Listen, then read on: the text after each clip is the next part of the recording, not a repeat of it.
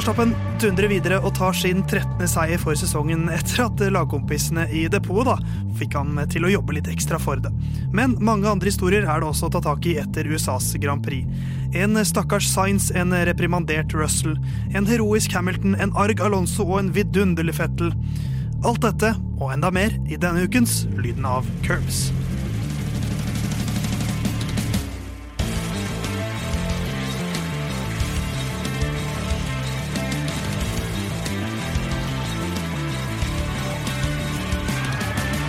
Ja, ja, mensan, da var det dags igjen for en ny episode av Lyden av Curbs, din favorittpodkast og ditt favorittprogram om Formel 1, sa han passe ydmykt. Theis er mitt navn fortsatt, bak spak og klaff.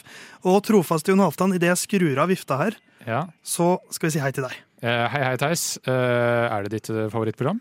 Eh, ja, det er mitt favorittprogram om Formel 1, det er Ja, det, faktisk. eh, det er vel eh, kanskje mitt også. Det Bortsett fra Maskorama. Det kan jo hende at eksempel Atle Gulbrandsen er en av ja, fordi karakterene. Hvis den boka hans blir stor nok, da, er, da blir Atle Gulbrandsen med neste sesong av Maskorama. Det er jeg helt Ja. sikker på. Men det går bra med deg denne uka også. Uh, Det gjør det. Det er er en del å gjøre sånn på den nye jobben jeg starta i for snart to måneder siden. Og det er jo gøy, det, men det gir litt sånn mindre tid til vi har blant annet, eh, Jeg har annet en kompis som også er tredjemann i det panelet her, som syns jeg har altfor lite tid til Warzone. Ja, eh, det er sånn det er ofte.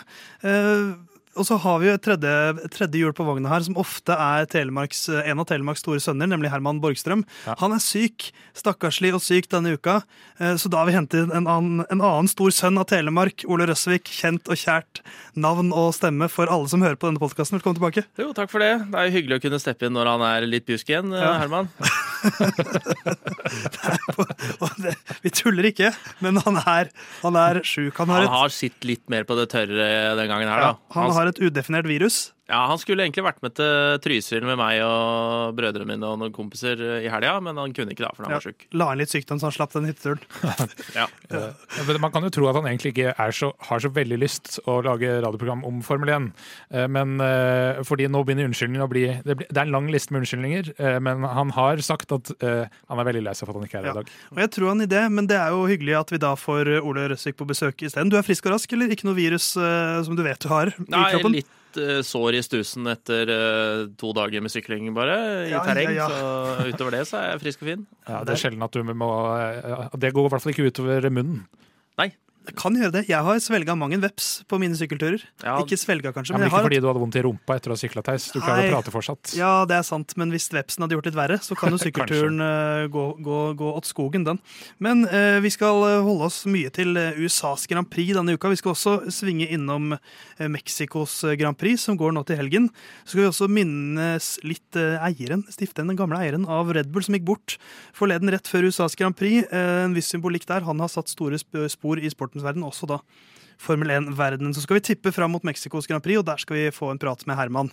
Uh, hvis han klarer å snakke, da. Ja. Men dette er jo den 35. episoden av Lyden av Curbs. Uh, og da skal vi innom Fittipaldi-familien.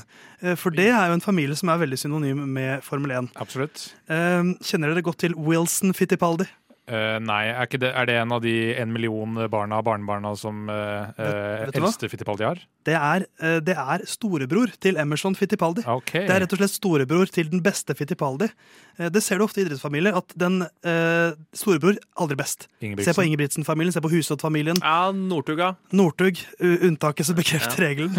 Eh, Men Wilson Fittipaldi han startet altså 35 Formel 1-løp, som da matcher ukens episodetall. Han kjørte Formel 1 i 1972, 73 og 75. Han firret rundt bak i feltet og tok sånn tre poeng eller noe sånt. Mens da hans lillebror ble verdensmester både i 1972 og 1974. Så Kul legacy, da. Eh, to ganger verdensmester, tre poenger Formel 1 ja, og så er han, han er jo den Fittipaldien med tredje flest Formel 1-løp også, som er litt kjipt når du liksom har kjørt Formel 1. At det er to andre i familien som har flere løp enn deg. Så det var Wilson Fittipaldi. Vi skal sikkert bli mer kjent med Emerson Fittipaldi i løpet av vår podkastkarriere. Men eh, ja, skal vi dundre av gårde til USA uten Herman på slepp? Ja. Ja. La oss uh, ta fatt på USAs Grand Prix.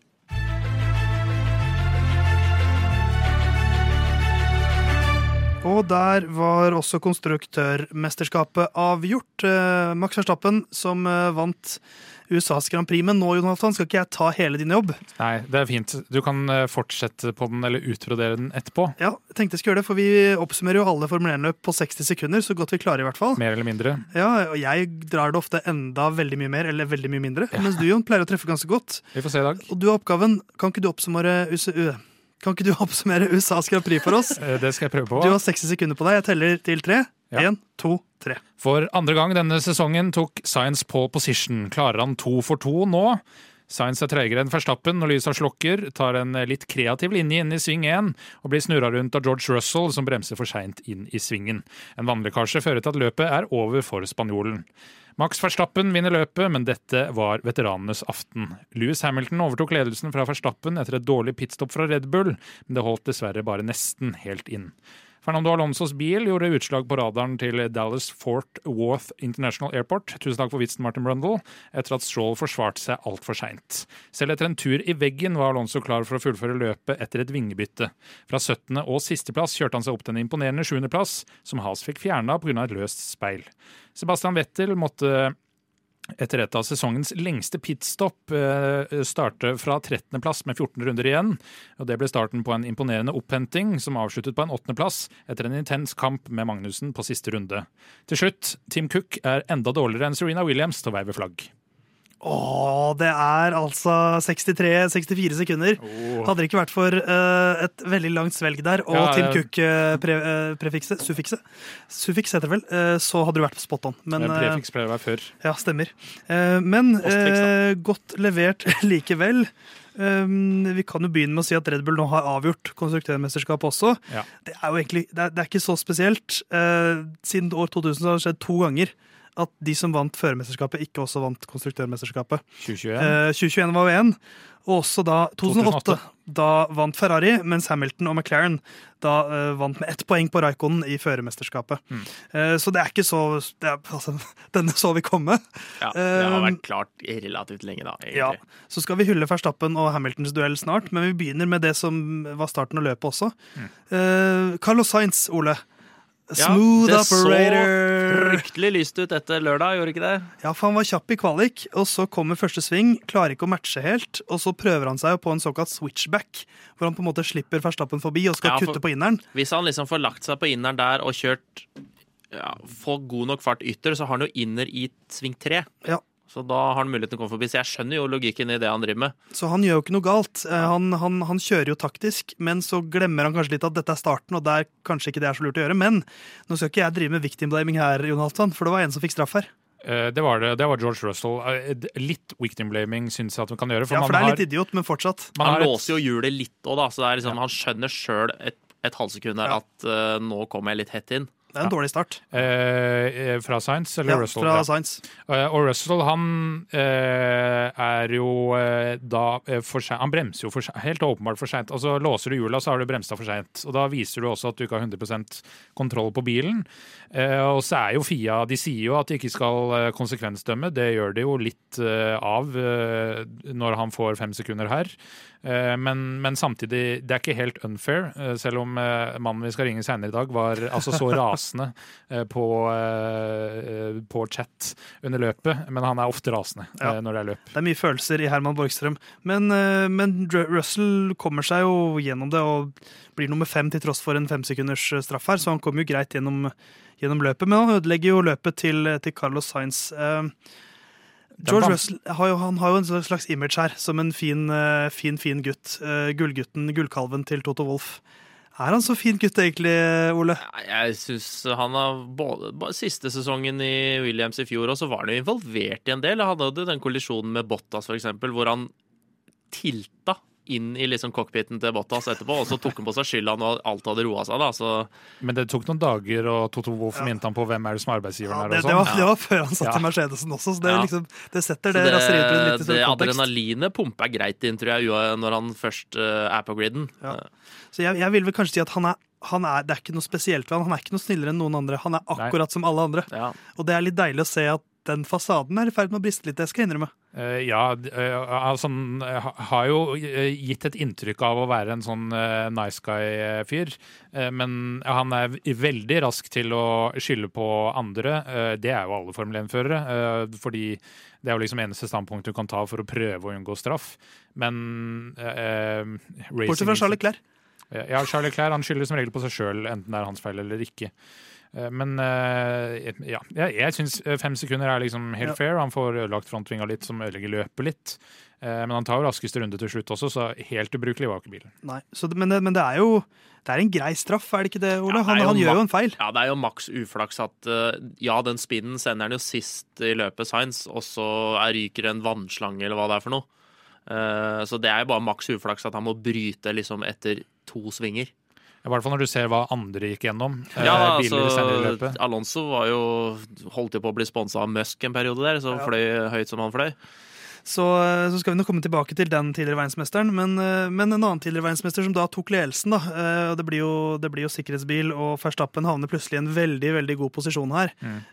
Hamilton starter godt, ligger også bra an. Eh, men det ser jo ut som dette skal bli en kjempeenkel dag for Max Jonathan veldig lenge. Eh, det gjør det, og det er helt til andre pitstop, eh, som Eh, ikke, Red Bull så ikke ut som eh, Red Bull, egentlig. og Dette var da på runde 35 med ca. 21 runder igjen. Eh, og de bruker Det er et eller annet med front left, altså foran venstre side på bilen, så er det noe gærent med den her drillen. Så de må bytte den, og da tar det sånn 11 sekunder. Og det tar vanligvis 2,3-2,6 sekunder for de å skifte dekk. Og Red Bull gjør sjelden feil her. Ja, ekstremt sjeldent. Og Max var Eh, egentlig ganske ufin på radioen etterpå. Med, ja. Du har vel VM, Max. jeg skjønner ja. at det er irriterende. Hvis jeg skal ta på meg Herman-hatten her, så vil jeg si at det var sånn flashback til fjoråret, egentlig. Når det sto på som verst mellom han og Hamilton, så var det en sånn grinete type som satt der, og alt var gærent. Ja, men, og der er uh, race engineer til uh, Max GP ganske fin, som er uh, Come on mate, we're in this together, osv. Og, så og uh, ja, de vil jo gjerne vinne fordi Dietrich gikk bort den helga også, Red Bull-eieren. Så det er jo sikkert mange følelser involvert her, men ja, uh, ufin i øyeblikket, syns jeg også. Ja, men så kan jeg jo forstå at du sitter der og det, du tenker ikke helt at VM er avgjort når du sitter i en Formel Du tenker at 'jeg skal faen meg vinne det løpet her'. Ja. Uh, men så havner jo vi i en situasjon der Verstappen må kjøre forbi Leclerc, må han vel? Ja. Og, og, han må hente inn ca. åtte sekunder vel, ut fra pit på Louis Hamilton. Ja, og de begge to pitta under en ny sikkerhetsbil mot slutten. Og de pusher hverandre altså, så sykt at jeg tenkte her, av, nå tar ingen av de Hamilton, ja. fordi nå brenner de opp dekka. Uh, en av de gjorde det. Uh, men, uh, men de dekka til Ferrari de brenner jo uansett. Ja, de trenger ikke være Så lenge de kjører, ser asfalt, så blir de dårligere. Ja. Men han kjørte inn Det var veldig sånn i rykk og napp. lade batteriene, bruke opp batteriene osv. Men da han først uh, tok igjen Hamilton, så gikk det så fort at altså Hamilton brems, uh, gjør en uh, forsvarende manøver for seint. Men én eh, skilt han skilt, speilet rista så mye at han ikke så Max bak. og, så han så han såpass seint at han da forsvarte seg seint. Ikke, har ikke egentlig noe vondt å si om det. Jeg har litt vondt å si om sladrehank etterpå. Ja, men, det, men der, der, tenker jeg som så at man, man, gjør alt man kan for å prøve å få en seier her. Absolutt og jeg føler jo faktisk at, Max, eh, at Hamilton sparker oppover i den posisjonen for en gangs skyld. Men, så gjør han det.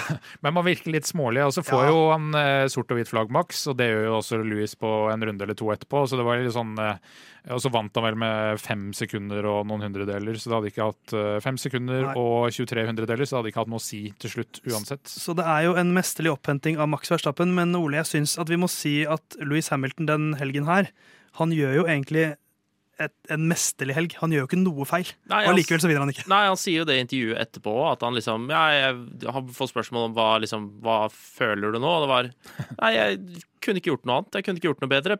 Vi kjørte perfekt strategi. Jeg følte jeg ikke, han følte han ikke gjorde noen feil eh, i løpet. Så det er vanskelig å ta han på noe, annet enn at han liksom neger litt over at Verstappen er over linja. Men det, hvem gjør ikke det når de prøver å vinne? Ja. Og, og der tipper jeg hadde, altså, Der vet jo produsenten også hva de viser. Det er ikke sikkert du får se alle gangene det der blir sagt fra en fører. Ja, Tenk hvor mange ganger Alonso sier det, selv om han ligger på 13. baki der. Ja, liksom. og det er jo, De vet jo hva de gjør, eh, de som styrer lyden også. så det er ikke, eh, altså Dette var mer sladrehankenes eh, Grand Prix, mer enn at det kun var Hamilton. Ja. Eh, Men det var han akkurat her.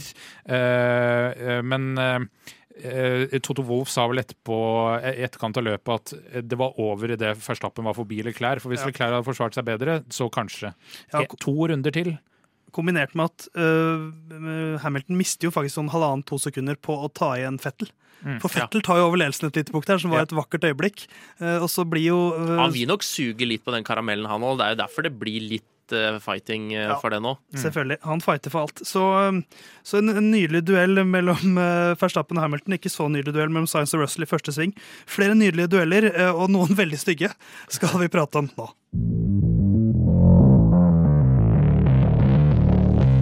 Fra to verdensmestere til en tredje. Eh, Fernando Alonso gjør jo et eh, kjempeløp. Eh, og så ser man kun på resultatlistene, så ser det ikke sånn ut. Men eh, han havner i en duell eh, på langstrekket på Cota, eh, Circuit of the Americas, mot eh, han som han skal kjøre med neste år, nemlig Lance Stroll. Eh, og hva skjer, Jon Halvdan? Ja, altså Dette starter jo da med at uh, Valtteri Bottas, eller Battery Voltas, uh, kjørte ut uh, i nest siste sving, uh, som førte til en sikkerhetsbil. Eh, og Det er da eh, første runde etter restarten her, hvor eh, bilene er ganske tett. Da ligger Lance Stroll på en sjuendeplass, med Fernando Alonso bak seg på en åttendeplass. Alonso skal kjøre forbi på det lengste langstrekket, og han legger seg ut litt seint bak, for han bruker slipstream så mye han kan. Eh, men Stroll forsvarer seg da enda seinere. Eh, så det ender jo da med at Alonso eh, dundrer inn bak i bilen til Lance Stroll. Eh, fly, altså Han er eh, vel nesten airtime. Jeg vet ikke, Bakhjula var vel i hele veien. Men det så ut som eh, starten på en flipp ganske lenge. Er inni da rekkverket etterpå, kjører lenge der. Og høres egentlig ganske slått pusten ut da, da han kom på radioen igjen etterpå. Men det ser ikke så bra ut for Stroll der. Nei, vi- Vi kan jo først si at Lance Stroll gjør en- egentlig en veldig god kvalik. Han blir nummer sju. Han har, han har vært god i kvalik i år, Ja, egentlig. jeg syns egentlig Aston Martin hadde en kjempehelg, ja, sånn med tanke på hvor de havna i kvalik, og hvordan det Ja. så ut etter ti runder. Han splitta Mercedesene på et punkt. Ja. Ja, og Fettel eh, sin eh, avslutning tyder jo også på at de hadde potensial til å få begge bilene på poeng her, men så ender det jo da med eh, krasj for Stroll, syns du. Eh, for som, eh, som Jon Halvdan sier, Alonso pusher jo slipskiven veldig, Ja, men så kommer det en manøver der fra Stroll. Hva syns du om den, Ole? nei, det det er jo ikke sånn som skal skje. Det kan hende han hadde samme speilene som Hamilton, da, som hoppa opp og ned, selvfølgelig. Men uh, det er på en måte en litt sammensatt sak, for Alonso legger seg ut, men han legger seg kanskje ikke så mye ut. Så han legger seg ikke tydelig ut for å komme forbi. Og så gjør Stroll en manøver, og så rekker ikke da gamlefar å reagere. Så Han det, glemte- det er Stroll sin feil, det er ikke noe tvil om det. Men hadde noen rukket å reagere der? Han, han, vet du hva Alonso glemte å si, sånn som jeg sier når vi spiller? Kom Kom, på kom på venstre! Kom på venstre! det er det han må bare si. Nei, men det, det er jo, det, er jo to, det kreves to for å danse tango. Altså da eh, Alonso pusher det veldig. Han er jo litt kjent for å pushe slipstream av og til. Ja. Og så er det en dustemanøver av Stroll. Um, Ja, det er, og, og man kan jo du må skjønne ikke pushe canadiere, det tror jeg Formel 1 har lært oss. Ja, ja, det er jo eh, et helt uh, legitimt grep å eh, eh, ta en forsvarende manøver. Du har lov å gjøre én. Uh, og Stroll gjør det sikkert på refleks. Eh, han er jo ikke øverste sjiktet førere, det har vi jo snakka om eh, mange ganger før. Eh, så at den bare skjer på refleks uten å tenke om helt hvilke konsekvenser det kommer til å få.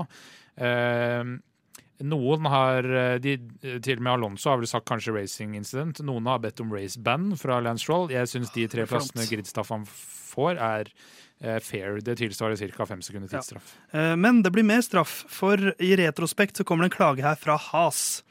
Um, For Alonso kom jo da i mål på sjuendeplass, som sier mye om byggkvaliteten til den, eh, den bilen han kjørte. Det er ikke vannslangen til Ferrari. Ferrari der. Hei! Gutta tenker litt likt i dag.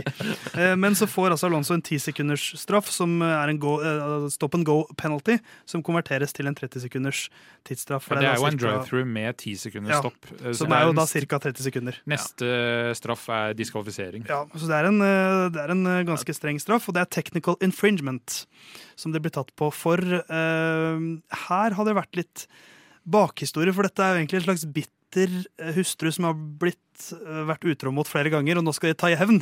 Ja. For det er Has her som klager inn eh, Alonso, uten at de har Jo, de tjener jo en plass på det, på Kevin Magnussen, så jeg skjønner jo at de klager. De klaga jo inn Peres òg, uten at det Ja, fikk noen stemmer. følger. Stemmer, stemmer. Ja, så Hvis jeg da eh, kan bare få ti minutter her til å snakke om hva jeg syns om det her. Altså Det ene er eh, Has får ofte eh, såkalt kjøttbolleflagg. Det er et sort flagg med en oransje eh, runding midt i. Ja. Som betyr eh, pitt og fiks det som er gærent med bilen din innen tre runder, eller bli diskvalifisert. Og ikke bare Has som får det ofte, men Kevin Magnussen Ja, får det veldig ofte. det er utelukkende Kevin Magnussen som får det. Ja, Eh, mitt pleier som regel å totalvrake hvis man først Han er ikke noe pingle hvis det først skal ødelegges bil. Skal faen ikke bare knekke eivingen der. Da skal vi ikke kunne fikse den. Nei, så eh, eh, Det er det de klager på, fordi man så lenge at den eh, vinga, eh, det speilet til eh, Alonso drev og hoppa rundt, og så falt det av i en forbikjøring eh, seinere i løpet. Eh, og det er det eh, Has klager inn. Eh, vinga til Peres var også løs og falt av. Den var løs Den løsna på første runde idet han brøyta seg forbi Valtteri Bottas, etter, eller midt i S-ene der, og falt av noen runder seinere. Og så, Det er liksom ene tingen her. Er det greit at de tidsstraff til Alonso etterpå? Jeg syns det er litt veikt at han får tidsstraff for noe dommerne ikke gjør. Ja. Eh, eller race director ikke gjør. Men er det alpin som har ansvaret? da? Er det det de mener? For å, for å trekke det, De må ha kontroll over bilen sin. Det er deres ansvar at Ja, det bilen er er dommerne som skal håndheve reglene, er det ikke det? Ja, ja, Jo, men jeg tenker jo det, jeg òg. Altså, det du kan ikke gi liksom Det det har jo hendt liksom, i andre sporter at du får straff i ettertid, men liksom Hvorfor få Du får jo ikke gult kort etter en kamp fordi du takla stygt. For Det er jo det som er konsekvensen her. Han kan bli utestengt Han kan få grid-straff, men her er det bare tidsstraff. Ja, eh, og jeg er egentlig litt enig i det, at det burde i så fall vært til eh, neste løp. Eh, Og så er det da det å være så inkonsekvent da, at eh, Peres ikke får eh, noe som helst straff. Vel å merke så var ikke den vinga løs så lenge. Eh, ofte så kjører jo Kevin med sånn sju til ni runder. Han kjører med, han kjører med sånn flappende vinge, han, Ja. på siden der. Eh, For de har jo også festa den endeplata på vinga, sånn at den ikke skal falle av. Eh, Men så har du da i tillegg George Russell, som også hadde løs eh, endeplate på vinga. Den klager de ikke inn i det hele tatt, og blir heller ikke gjort noe med. Max Så- Verstappen hadde også en løs sånn Ja. winglet på, sist, på, på den siste runden der, så det var mye de kunne tatt her. Ja, altså, det Has driver med minner litt Har du sett den videoen av når Mourinho var manager i Tottenham? Og han setter seg ned på benken, og så assistenten minner han på at nå har de gjort noe gærent. Og så reiser han seg bare i sånn bråsinne og skal bort og prate med dommeren. Fra å være helt nøytral til å bli illsint Ja, på halvt sekund. sånn, det er akkurat som noen har minnet på de i Has at vi har jo fått jækla mye sånne flagg. Hvorfor fikk ikke de andre det? Og så er det bare vi må reagere. Ja, og, og ehm, jeg syns det inkonsekvente her er kanskje det jeg har mest problem med. Eh, neste punkt er eh, i tillegg Det blir da en høring på torsdag. Fordi eh, klagen fra Has ble levert inn 24 minutter for seint. Eh, Så de, eh, eh, kan ikke klage på avgjørelsen, men de kan klage på at klagen ble sendt inn, som er grunnlaget for avgjørelsen. Og da kan de få tilbake sin tidligere plassering. Sånne anker pleier Det er ikke historikk for at de går igjennom. Så dessverre så blir nok de 30 sekundene stående for Fernando Alonso. Ja, så, så kanskje er ikke siste ord sagt der, men jeg syns vi skal flytte ordet vårt til, til de som kjempet bak de gutta der. For vi kan jo si det som det var at Russell ble nummer fem, så Lando Norris. Og så var jo eh, Alonso der inne, men så ble jo da eh, Fettel skjøvet opp til sjuendeplass, og Kevin Magnussen ble da nummer åtte. Um, og den duellen der, på, de siste runden, på siste runden spesielt, mellom Sebastian Fettel og Kevin Magnussen Fettel hadde en, en forbikjøring i en av de siste svingene som Jensen Button, tidligere verdensmester, har omtalt som den beste forbikjøringen han har sett noensinne. Som selvfølgelig er veldig historieløst å si, Ja. men det setter det fortsatt litt inn i en kontekst, altså. For det var gøy å se Fettel den helgen Ja, der. det ser kult ut, for han får den der lille Får en liten Det slipper litt bak i bakbilen, og så kommer han forbi allikevel. Jeg, vil- jeg syns kanskje den uh, incidenten på Silverstone hvor Hamilton kjører forbi to, er Ja. kulere. Mest pga. kommentatorene er enda mer på.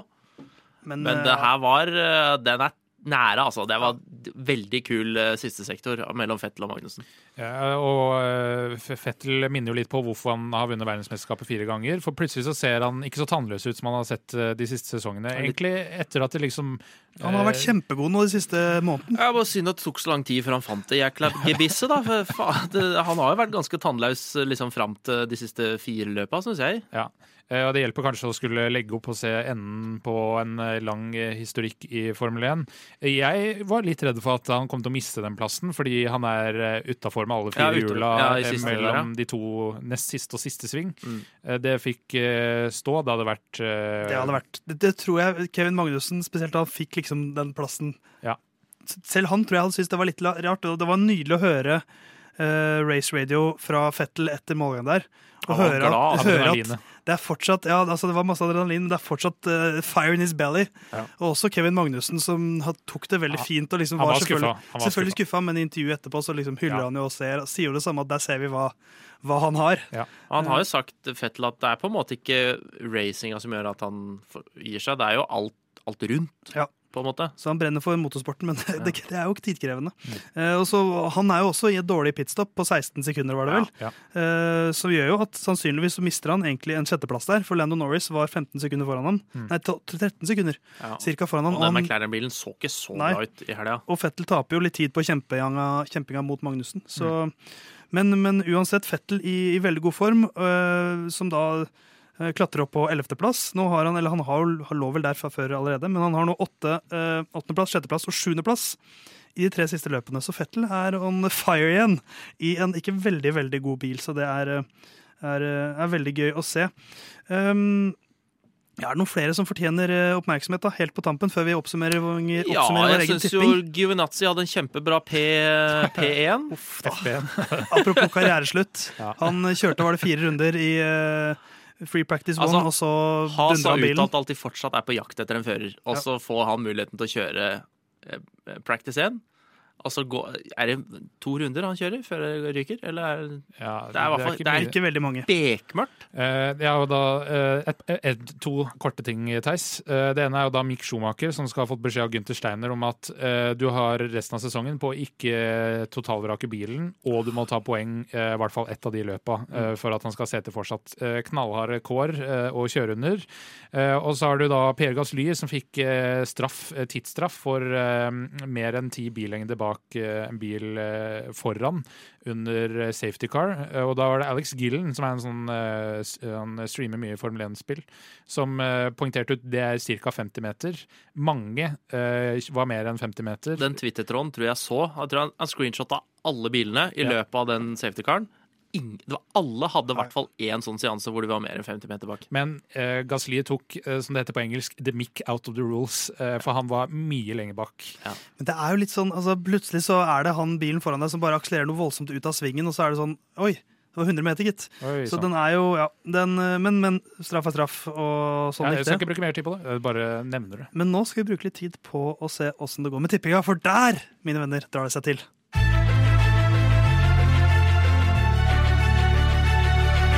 Helt fra start i årets Formel 1-sesong så har vi i Lyna Cup satt en eh, tippekonkurranse internt i redaksjonen. Eh, Nå er vi vel 19 av 22 løp eh, gjennom sesongen, så det begynner å seg utkrystallisere seg litt favoritter i toppen her. Jon Hoftan, kan du oppsummere tipperunden vår fra. USAs Grand Prix? Eh, ja, eh, vi alle tre tippa Forstappen eh, som vinner. Det gikk inn. Eh, Theis tok full pott med Hamilton på andre og Leclerc på tredje. Jeg hadde Peres på andre. Det er ikke dum, altså. Det er ikke så mange full pott vi har hatt i løpet av sesongen. er det det? Nei, vi hadde begge oss to hadde forrige runde også. Oh, For en streak jeg er på! Ja. Leclerc kom jo da på tredjeplass, men jeg tippa. Jeg tippa Peres på andreplass. Han fortsetter sin statistikk med å aldri ta tredjeplasser. Det er første, andre, fjerde, femte eller sjette er vel det han har hatt så langt i sesongen. Og Herman han tipper Leclerc på andre og Sainz på tredje. Leclerc tar en tredjeplass. Eh, Det gir da eh, ett poeng for eh, riktig fører, men på feil plass, og fem poeng for riktig fører eh, på riktig plass. Eh, Vi hadde jo også noen ukens sjuking. Ingen av de gikk inn. Eh, Herman hadde Fettel slår Stroll med minst seks førere i løpet og med minst fem i kvalik. Eh, Nå kvalifiserte vel Stroll bedre enn Fettel, eh, så det eh, ble ikke aktuelt eh, eh, før løpet i det hele tatt var i gang. Jeg tippa at Yuki Sonoda vinner. Han var eh, omtrent like langt unna som han pleier. Eh, og Theis tippa Landon Norris P5 på et punkt i løpet, men Alonso får P5 grunnet et dårlig pitstop på Norris. Det var noen dårlige pitstop, ikke på Norris, og Alonso fikk ikke P5. Men Theis, det gir deg da 15 poeng den runda her. Boom! Samme Eh, som sist. 10 poeng eh, på meg denne runda her, og 6 poeng på eh, Herman.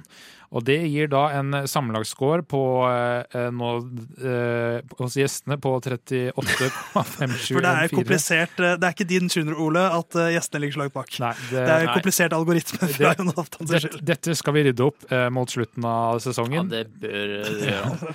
Ja. men eh, Herman da ligger på en tredjeplass med 86 poeng. Mannen som leda over halve Ja. sesongen, ligger nå 86 poeng. 14 poeng bak Dude Theis, som Oi, oi, oi. har Hva har 100 Poengsankinga har gått i tråd med oppmøteantallet. Ja, det er rart med det. Uh, og jeg leder, uh, men bare med to poeng, Ja. Eh, med 102. Og det er tre løp igjen, så dette, altså, man kan si at årets Formel 1-sesong den er ikke så veldig spennende når det kommer til sammendraget. Mens vår tipping, den er spennende. Det er som fjoråret. det er som Det er en neglebiter, altså. En ekte neglebiter. Så vi skal komme tilbake til våre tips for Mexicos Grand Prix litt senere i sendingen, men eh, nå skal vi eh, prate om en mann som har satt store spor i Formel 1-verdenen, som gikk bort denne uken.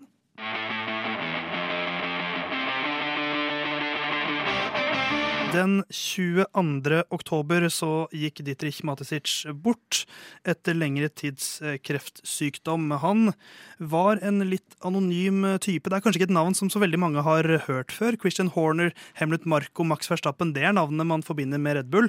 Men Matesic satt på toppen av eh, hele den Red Bull-pyramiden som, eh, som kongen av Red Bull, rett og slett. Mistet da, eller gikk bort grunnet lang tids kreftsykdom. 78 år gammel. Uh, og det var merkbart, Jon Halvdan, i Formel 1-verdenen denne helgen. Danke Didi sto det på eh, banneret over eh, banen eh, da de starta eh, formasjonsrunden nå på søndag.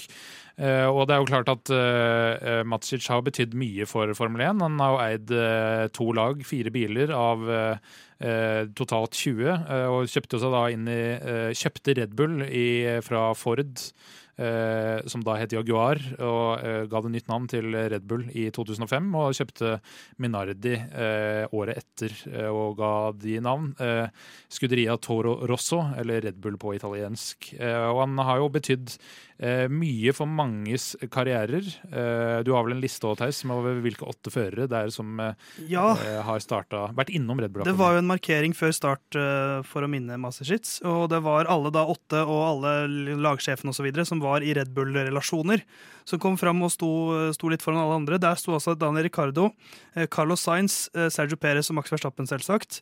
Og eh, Yuki Sunoda, eh, Pierre Gasly, eh, Sebastian Fettel og Alexander Albon. Åtte av 20 plasser, altså, Mm. eh, som har vært innom Red Bull-systemet. Um, så har jo Red Bull fått, de har fått en del kritikk på at de har kasta førere litt hit og med pine. Og, men det skal de ha, Ole. Det er, ingen har gitt flere sjanser. Nei, altså de er jo det laget som liksom kanskje backer førere mest økonomisk òg, for å få gi førere som kanskje ikke har Se, en- i en Hamilton eh, back in the days, som eh, hadde hatt eh, De brukte veldig lite penger, i motsetning til Stroll, som har fått kjøpt et lag til seg sjøl. Så jeg syns de er med rette kan kaste litt rundt på føret med tanke på så mye sjanser de gir til unge talenter også. Vår egen Dennis Hauger er jo også en som, eh, som er en del av Red Bull-systemet. Og det er jo eh, Red Bull for, for de folk flest et energidrikkselskap eh, som ble stiftet på slutten av 80-tallet. Mm. Eh, det, er ikke, liksom, det er ikke det først og fremst de er kjent for i dag, føler jeg. Ja, Eller i, i mindre og mindre grad. Ja, masse ekstremsport. De Ja. sponser jo Og så sponser de veldig ofte de beste i sin eh, disiplin. Ja. Sykkel som du holder med, altså Wat van Ert er vel sponsa av Red Bull, blant annet. Stemmer. De, har også, de sponser også Den Norske Opera og Ballett. Ja, Eh, så de har eh, mange uh, forskjellige jern i ilden. Og i Formel 1 så er det jo blitt eh, Det var jo som Hamilton kalte de uh, et energidrikkselskap, som jo var det de var. Eh, og de har jo da tatt nå sin femte konstruktørtittel på da eh, 16 år, vel. Eh, hvis min eh, hoderegning ikke er altfor dårlig. 17 år. Og det er jo ikke halvgalt. Og nå blir det jo også et ordentlig Works-team, så det er jo virkelig en satsing de har gått inn i er jo et par fotballag òg som er høyst kontroversielt, akkurat det. Men, men, i Formel 1 så er de ikke kontroversielle utover at eh, de, noen oppfatter de som kontroversielle. ja, men det er jo ikke på, jo ikke på en måte pga. hvor pengene kommer fra. Altså, Energidrikkprodusering ses jo ikke på som uh, Det er vel relativt hvite penger i den store verden uh, som ja, altså, sport inneholder. Det er jo ikke mer skadelig enn Coca-Cola, f.eks. Uh, det er jo, man kan jo si at sukkerholdig drikke er ikke bra, men i, et, i, sport, i, sportens verden så er det ganske fair play, det her. Ja, Å være Aston Martin Aramco f.eks. er liksom ja. mye verre enn å være Red Bull. Så, så Mateschitz han etterlater seg jo et enormt enorme skygger eh, og enorme ringvirkninger han har skapt i Formel 1-verdenen. Men er det grunn til å tro at dette endrer noe? Eller er det liksom sentimentale grunner som først og fremst dette betyr? Eller endrer det noe i praksis for, eh, for fremtiden til Red Bull-lagene? Uh, det vet vi jo ikke, men vi kan spekulere. Det er vanskelig å si, da. Du sitter jo ikke på styrerommet der. Nei, men, uh... Nei, men det er jo på en måte, de har, de har, jo klart å bli sine egne beist da, på mange måter. Ja, og Da denne Porsche-dealen falt igjennom, så har det ikke nok ikke uh, for lengre tids sykdom betyr også i sommer, da den dealen er falt fra hverandre. Eh, og Helmet Marco har jo vært de facto Dietrich Matetic eh, i Formel 1-verden. For han har ikke vært uh, direkte involvert i så måte. Det er Helmet Marco som har tatt mange avgjørelsene på vegne av han. Så jeg tror, i hvert fall på kort sikt, så vil ikke det ha noe betydning. På lengre sikt så tviler jeg også på det. Jeg frykter kanskje det blir litt sånn som det var når han uh, gründeren av Williams forsvant. At det uh, skjer ikke noe med en gang, men at kanskje over tid så vil det vannes ja. mer og mer ut. Ja, i så at den, fall... den, han som brant mest for det, er nå vekk, på en måte. Ja, De brenner for det, de som er der fortsatt. Altså, det som ryker først, i så fall, det er uh, Alfa Tauri. Uh, blir i så fall solgt. Det tror jeg blir det enkleste. Uh, fordi Williams har aldri vært et Works-team. Det er Red Bull nå. Investert enorme summer i Red Bull Powertrains, så de er her for å bli. Uh, man kan jo alltids trekke seg ut, men de fremstår ikke ja. som det. Og så er det jo litt, De får jo på en måte litt i pose og sekk nå, for nå skal jo hele intensjonen med Formel 1 er at skal, du skal ikke ta penger på det. Eh, ja. Og da har de sitt eget lag som er oppe og går, og samtidig så funker jo dere laget tross alt som en enorm reklame for eh, et selskap som, som selger energidrikk. altså på the bottom line. Det er jo der penga stort sett kommer fra. Mens ja. nå har de jo da plutselig et produkt som kan leve for, på egne bein, mm. samtidig som det funker som reklame. Så jeg tenker jo det har aldri vært større grunn til at Red Bull skal bli. Nei, det har det ikke. Uh, og så er det jo selvfølgelig, Man vet jo ikke hvem som kommer inn. Han har jo en sønn, uh, så vidt uh, jeg har forstått, som har overtatt iallfall noe av det jobben han har gjort tidligere. Og når du er 78 og har vært syk lenge, så har du jo ikke vært hands on på en stund. Eh, så det er jo med mindre noen arver noe eh, med andre intensjoner enn det Dietrich Matzic hadde. Men i hans ånd så ville det vært rart å rive ned det ja. uh, umiddelbart. Så Red Bull skal nok ikke noe sted. De skal kjøre videre i Dietrich Matzic's vinne hvile fred. Vi drar videre til Mexico.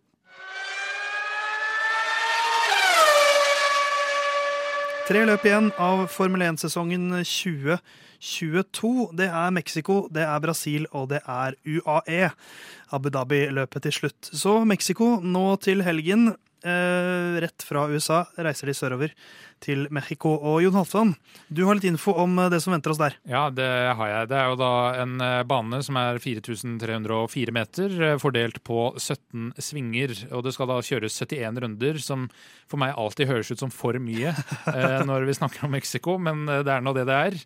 Og på hver av de rundene så er det da tre DRS-soner. Det ene er ned det ganske lange start-målstrekket, og den deler også da detection point. Som er da det punktet man ser om man får DRS eller ikke, med DRS-sona mellom sving 3 og sving 4. Og siste er da mellom eh, sving 11 og sving 12, som er da rett før de kjører inn den eh, gamle Er det baseballstadion som var der før? Ja, det kan vel stemme. Men uansett, da. Dette er jo da løpet som kjøres flest meter over havet, altså over 2000 meter høyde. Eh, og Da er lufta en del tynnere, som gjør at de da kjører med Monaco-type vinger. Altså svære vinger som gir like mye downforce eh, som vingene de bruker på Monza. Ikke sant, Så tynnere luft, så da, kan de til, da må de på en måte ha det. De må ha det. Men det er jo da eh, en av de raskeste, eller altså korteste rundene. Det er vel rundt ett minutt og 15-16-17-18 sekunder de bruker på en, en, runde her, så her blir det jo litt, litt forbikjøringer og litt, litt blåflagg. Det gjør det. Kan vi vel tro. Ja, Banerekorden eh, ble satt av Valtteri Bottas i fjor eh, med 1 minutt 17 sekunder og 774 tusendeler. Eh, Det er jo da, eh, alle de banerekordene som jeg nevner, det er jo da satt i løp.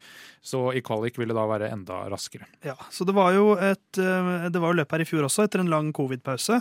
Da vant Max Verstappen foran eh, Louis Hamilton og eh, Sergio Perez. Og kanskje det mest fjolte podiumet jeg har sett.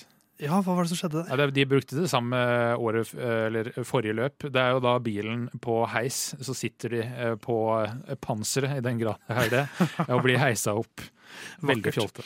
Men eh, en bane som preges veldig av et enormt langstrekke der, Ole.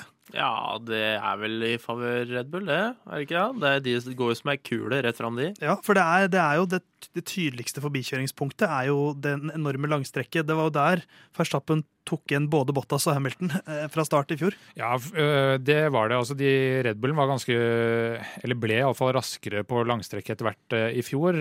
Og da var det jo front row lockout fra Mercedesene, som Bottas prøvde å ikke gå i veien for Hamilton.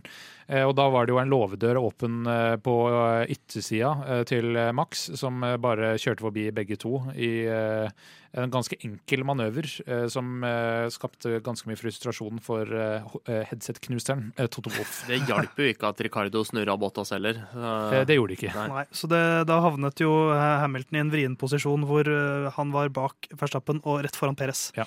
Så kjøttet i en sandwich der. Eh, Men det vi må vel kunne si at vi skal, vi skal komme tilbake til hva vi skal tippe etterpå. Og så skal vi også ringe Herman.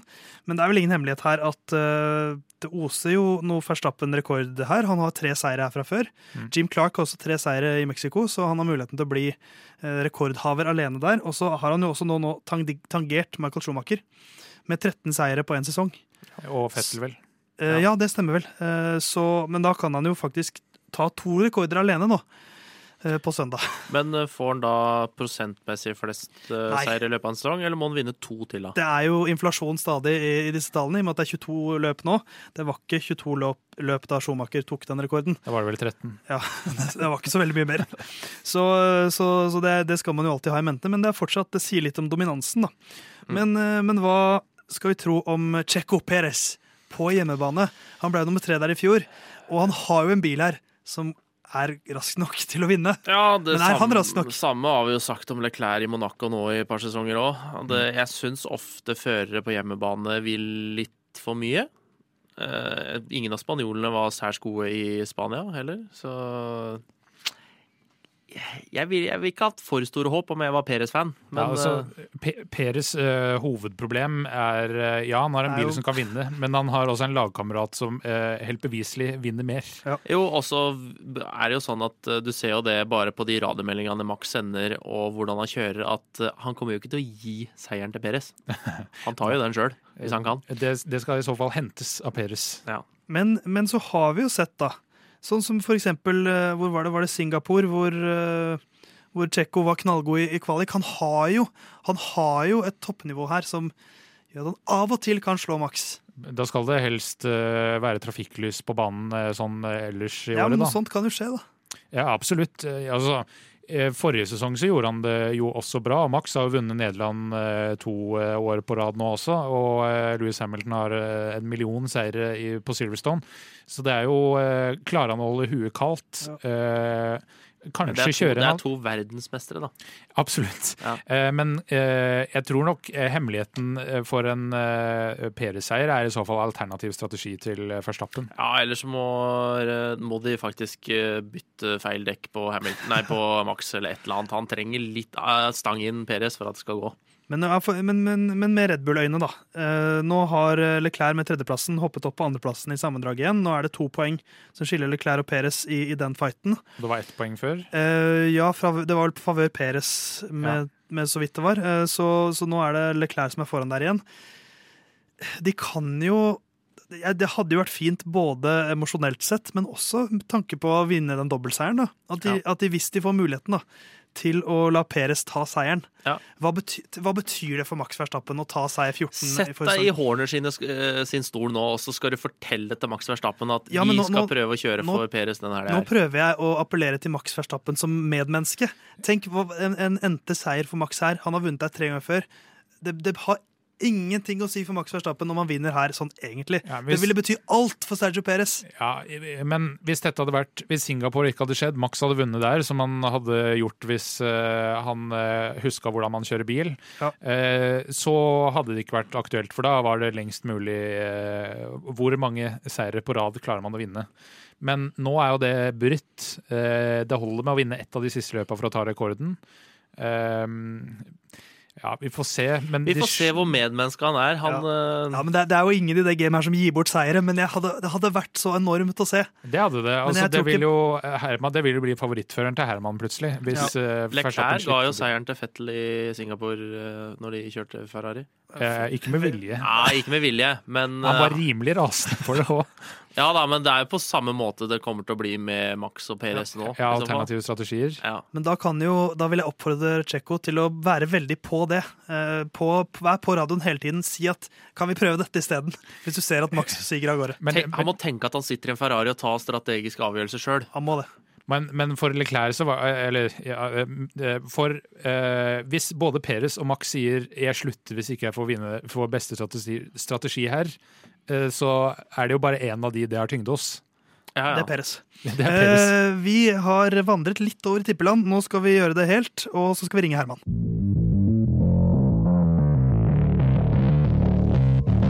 Det er veldig veldig jevnt. Det er to poeng som skiller Jon Halvdan og meg i tippekonkurransen vår her i Lyden av Curbs, hvor vi tipper de tre beste til hvert Formel 1-løp, og tipper vi Ukens sjuking, som er en sjuk hendelse som vi spår at skal skje i løpet av eh, løpshelgen. Eh, Og vi skal prate med Herman også snart, men vi skal ta tippinga til oss i studio først, for vi har kommet til studio, og da skal vi få levere tipsene først. Og da tenkte jeg at det er gjestenes tur til å levere først. Så Ole, Oi, oi, oi, det er stort. du må jo redde inn eh, gjestekontoen her, som ligger langt nede grunnet Jon Ja, nei, Jeg har jo vært gjest flest ganger av de som har vært gjest, da, så jeg kan jo ta en deler av det Ja. på min kappe, selvfølgelig. Jeg syns vi bare har Ole, det er da tre poeng, tror jeg.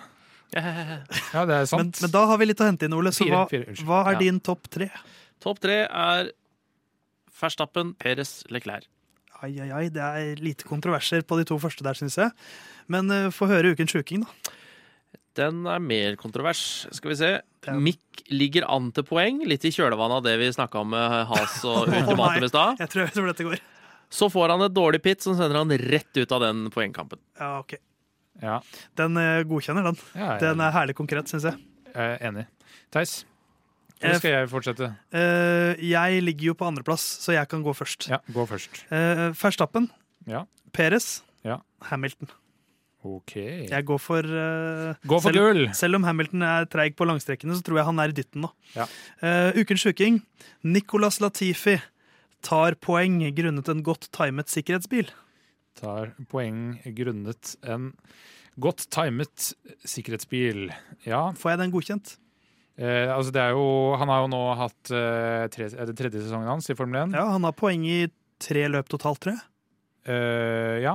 Uh, to poeng i denne som han tok i ett løp, så Altså, sannsynligheten det er meget må jo skje noe for at han skal ta poeng. Ja. Han tar jo ikke på race pace. Nei, nei. Så, Så han tar det på en godt timet sikkerhetsbil. ja, ja, altså, det er eneste muligheten. Men- Ellers må, den- ellers så må liksom elleve biler kjøre ut. Ja, Men jeg får den godkjent. Ja, det syns jeg. Ja, Herlig. Da, Jon, du som leder.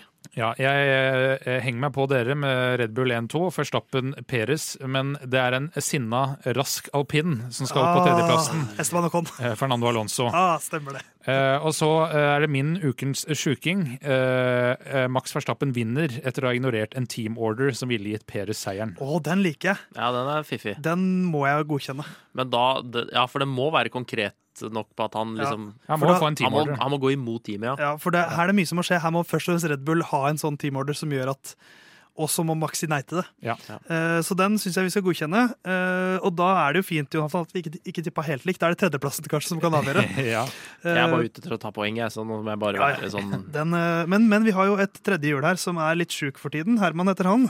Eh, han skal få tippe, han også, for han har jo litt, litt å ta inn her. Det har han. Så da skal vi ringe Herman via Skype her nå. Skal vi se om han svarer. Men Det det er er, ikke, spennende. det er ikke ukens sjuking som har gjort han dårlig. Nei, det håper jeg ikke. Hei, skiltnummer. Er det ukens sjuking vi prater med? Ja, det er det. Hvordan går det med deg, Herman? Nei, det går, det går bedre nå, faktisk. Det gjør det?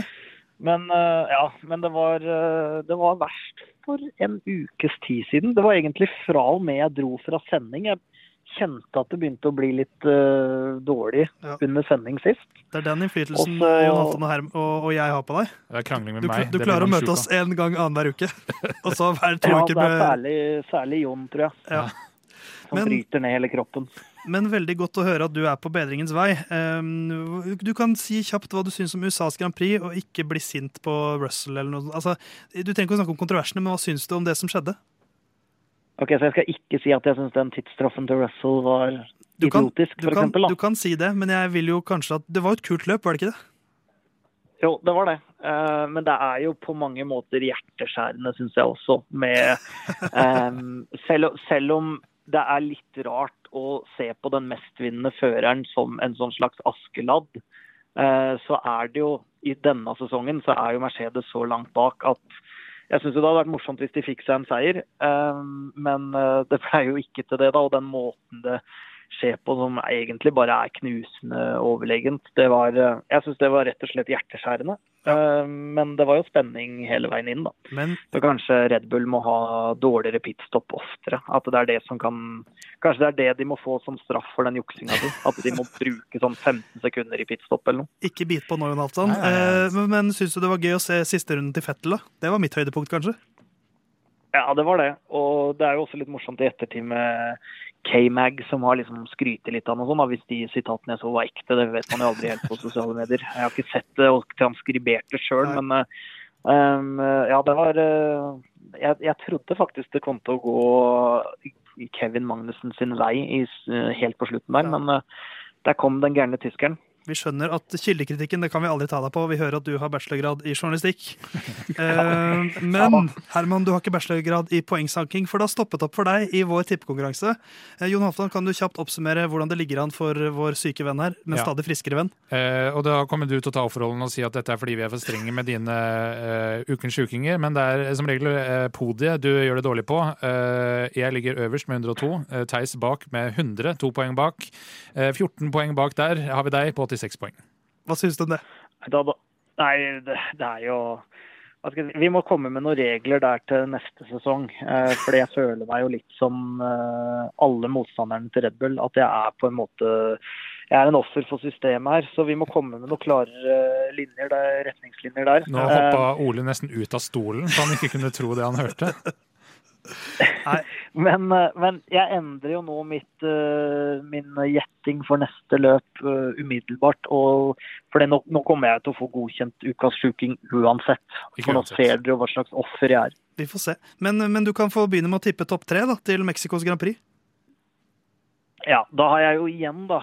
Og jeg skjønner jo hvorfor det går gærent. Um, for jeg har en teori Men nå må jo du, nå må jo de tippe annerledes, Herman, for å ha noe sjanse. Ja da, men jeg tror ikke Peres er god nok for den Red Bullen, og det tror jeg kanskje jeg, jeg begynner mer og mer å kjøpe det scenarioet om at Ricardo blir tredje, en slags tredjefører, får det setet neste år. Ja, for han skal jo Eh, ha men jeg, jeg, lar, jeg lar tvilen komme til gode Peres, så jeg setter han på hjemmeseier, faktisk. Neste løp. Og hvis ikke den går inn, så er det på en måte bare over for både meg og han, eh, tenker jeg. Verstappen på andre og Fettel på tredje. Oh, nei, ei, ei. Herman, dette er et sexy tips. Dette elsker jeg. Ja. ja. Men vil du ha ukas sjuking òg, for den er ikke så sexy? Er, er, det, er det Fettel på tredjeplass? Nei, men nå, har jeg, nå justerte jeg da, og dere kan gjette Alle hva jeg briter justerte. foran Jeg- alle canadiere. Ja, det er noe sånt. Begge Williams-bilene ender topp 15. Fem. Ja. Og Nei, den mener jeg faktisk Du, bør gå. men, men Ole, du hører på stemmen hans at det, det er gjøn i stemmen. Ja. Han tror ikke på det selv. Jeg kunne godtatt topp 11. jo, jo. Topp 11 på begge Williamsene, det hadde vært greit. Topp 11 skal du få. Ja, topp 12, da. Jeg må få, jeg må Nei, få en- inn én forhandling. Da føler en- jeg en viss Vet, velvilje. vet, vet, hva, vet du hva, Jon? Herman, Han, én må være på poeng. Så Ja, kan ja. du begge topp uh... topp 12, men én på poeng. Ja. OK, ja. Så Den er jeg med på. den, eh, ja, men den, den skal du få. Men det Du er litt fornøyd, faktisk, med forhandlinga. Topp 15, altså. Ja, det er, Men det er god forhandling. For, for han, det, er som, det er som når man skal prute. Man må gå ut høyt. ja, det er nesten så jeg vil si du må navngi føreren som skal Nei, få nei, poeng. nei, det synes jeg skal Han, han ligger Ja, det er jo altså poeng. Han ligger langt bak. Han ligger langt bak, og langt bak. det topp tre-tipset hans tyder jo på at han kanskje kommer ikke til å ta inn på så mange poeng. Nei. Der. Det som var litt morsomt, var at jeg satte begge Williams-spillene topp 10, og så modererte jeg meg til topp 12. Og så hørte jeg hvor langt bak jeg var, og da tenkte jeg ok, topp 15. Ja, men vet du hva, Herman? Og så havna jeg på topp 12 igjen, da. Ja. Det, det støtter jeg. Men, eh, men takk for tipsene, Herman. Du får passe på egen helse, og så møtes vi igjen på tirsdag. Da skal vi nok ødelegge helsa di igjen. Ja, Og så ikke den tirsdagen etter det, men den etter det igjen, da. Ja, ja. Sånn at holde- lytterne vet litt hva det går i. Holder det annenhver gang, cirka. Men eh, god bedring, Herman. Kos deg med Mexicos Grand Prix. Ja. Takk, takk. Ha det. Det skal jeg gjøre. Dere òg. Hei. Hei. For et rasshøl. Nei da, Herman. Vi er veldig glad i deg. Lykke til med tippinga, spesielt til deg, Herman. Ukens episode av Lyden av Curbs drar seg mot slutten. eh, Og, eh, men før vi forlater dere, så er det en snakkis som vi må ta tak i. For en fantastisk slutt på løpet. Eh, Sebastian Fettel dundrer forbi Kevin Magnussen i en av de siste svingene. Jubler over målstreken. Her kunne de, Hvis de hadde vært på, så hadde de bytta til um, podkamera til bilen til Fettel og sett at han jubla i bilen. Men det vi får se isteden, er en utrolig slapp eh, Apple-sjef, eh, Tim Cook, som står og vifter. altså det, det, det var den svakeste brisen i det flagget jeg har sett noensinne. Ja, så vidt var han så bevega tafatt. armene. Ja, altså alle nordmenn, absolutt alle nordmenn kan veive et flagg bedre. Så, så det, er jo, det er jo blitt en slags sånn trend i Formel 1 at kjendiser står og vifter med målflagget, eh, og så, bytte, og så liker produsenten å vise hvilken kjendis det er. Serena Williams gjorde en elendig jobb i Monaco, Ja. men Tim Cook det, det har blitt en meme fordi at det var så slapt. Det så ut som han hata livet sitt. Det så ut Altså, som en, altså- har du sett den, eh, den filmen hvor de to kids holder en sånn døv mann og bruker han som dukke? Eh, Det så ut som, det så ut som om det var en død dukke Ja, som sånn- noen trakk i trådene til. For det var så slapt. Ja, altså, Og de veldig praktiske solbrillene. Altså, Tim Cook er en veldig lite trendy fyr. Ja. Eh, så altså, det, det er jo en million kjendiser, også i Austin, Ja. den helga. Velg nå noen andre Altså, enn en av Det var ikke et veldig godt uh, reka- veldig god reklame for Apple at han sto der Nei, og veiva det Da, flagget. altså, men du der hjemme, bare google Tim Cook waving flag, uh, så får du se det slappeste jeg har sett noensinne. De kunne fått, altså Brad Pitt var der. Ja. Han hadde i hvert fall sett ut som han syntes det var litt fett. var der. Ja, Han hadde ikke fått plass i bua, men det hadde, det hadde vært kult, det Han òg. stått opp gjennom bua. Men uh, så det er jo sånn Det har provosert meg litt. Så har jeg også tenkt Hvis vi hadde hatt et norsk Grand Prix, så hadde jo selvfølgelig de norske kjendisene, Odd Magnus Williamson og sånt, hadde vært der. Eh, Ja. Men hvilken norsk kjendis hadde vært stor nok til å Eller hvilken norsk kjendis hadde viftet med målflagget i Norwegian Grand Prix? Er det ikke lett å trekke inn de kongelige der, da? Det, det er jo naturlig å Ingrid tenke Alexandra, for eksempel. Ja, for kong Harald er nok dessverre død innen vi får uh, et Formel 1-løp til Norge. Det er nesten Håkon nå, tror jeg. det tror kanskje jeg også. Kanskje prinsesse, altså kronprinsesse Ingrid Alexandra. Eh, jeg, altså for Hvis kong Harald hadde fått det, jeg har også skrevet Olav Thon. eh, Ja, er en som hadde, han hadde veiva like slapt som Tim Cook. Jeg har en sånn topp tre sånn uh, motsatt uh, Sånn ADHD-veiving av flagg. Ja. Det måtte liksom vært uh, Alex Rosén, eh, Petter Stordalen og han Jan Erik Larsen fra Ja. Oh, Åh, Jan Erik Autofil Larsen han har stått og ledd der. Jeg har eh, to topp tre-lister her. Eh, det ene er med litt sånn sportstilknytning, ikke helt utenkelig. Eh, Haaland, Hovland og Atle Gulbrandsen. Ja. Eh, men hvis dere vil høre min litt mer tøyste Ja. topp treer Durek Verrett, oh. Erna Solberg eller Christian Ringnes. Kristian Christian Ringnes er ikke dum. Eh, jeg, har også, jeg har også tenkt Petter Solberg. Eller Ja. Aksel Lund Svindal. Ja. For han, har litt, eh, han er jo litt sånn internasjonalt kjent i sportens verden nå, og Ja. han driver litt med, med, med motorsport. Uh, eller så har jeg også skrevet på Petter Stordalen, for han hadde fått til å komme der. Ja, Kasper Ruud er høyt lyst. oppe nå. Han er jo samme, ikke samme liga Ja. som Serena, selvfølgelig, men uh... Men uh, hun kunne heller ikke være et flagg. Nei, det håper jeg Kasper kan, da. For Ja. Gucci. Han er norsk, i hvert fall. Ja. Han, Men jeg tror uansett hvem det hadde blitt, eh, Petter Stordalen sikkert vifta så hardt at flagget ja, hadde falt både han og Rosén hadde jo veiva av det der eh, flagget. Nei, så eh, Er det en vi kan lande på? Hvem vil vi at det skal være?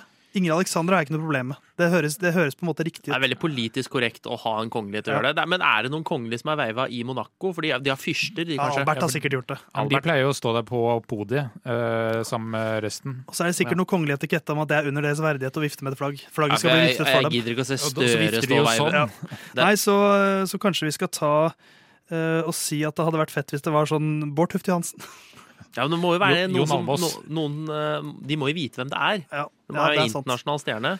Det er lett å si Haaland, da. Ja, da sier vi Erling Braut Haaland. Det hadde jo sikkert blitt han. Ja. Eh, så vi sier Brauten. Eh, har sendetider, Jon. Har vi, har vi det klart? Eh, For det er jo nok et kveldsløp, dette, og det er jo ca. samme tidssone. Om jeg husker riktig, så er det klokka ni. Eh, løpet begynner denne helgen også. Det Perfekte er sendetider, altså. Ja, Liksom på det er det. kvelden. Ja, eh, FP1 starter 20.00 på fredag, eh, og så 23.00 er FP2. FP3 19.00 på eh, lørdag. Eh, 22.00 er kvalifiseringa på lørdag. Eh, på lørdag. Eh, så er det 21.00 som står i min kalender. Vi skal stille klokka, så eh, ta det med en times klype salt. Men uh, alle vet hva Daniel Ricardo skal gjøre når klokka blir 21 på søndag. Det er Boy, I'm gonna give it my best shot. Og da sier vi lykke til til deg, Daniel. Eh, Takk for følget, Ole. Takk. Takk for følget, Jon Halvdan. Eh, tusen takk, Theis. Vi ses neste uke. Ja, det, og vi ses sikkert plutselig, vi også, Ole. Ja da, neste uke kanskje. Det kan, det kan fort hende. Men du der hjemme, kos deg i Mexico, og så er Lyden av Curbs tilbake neste uke.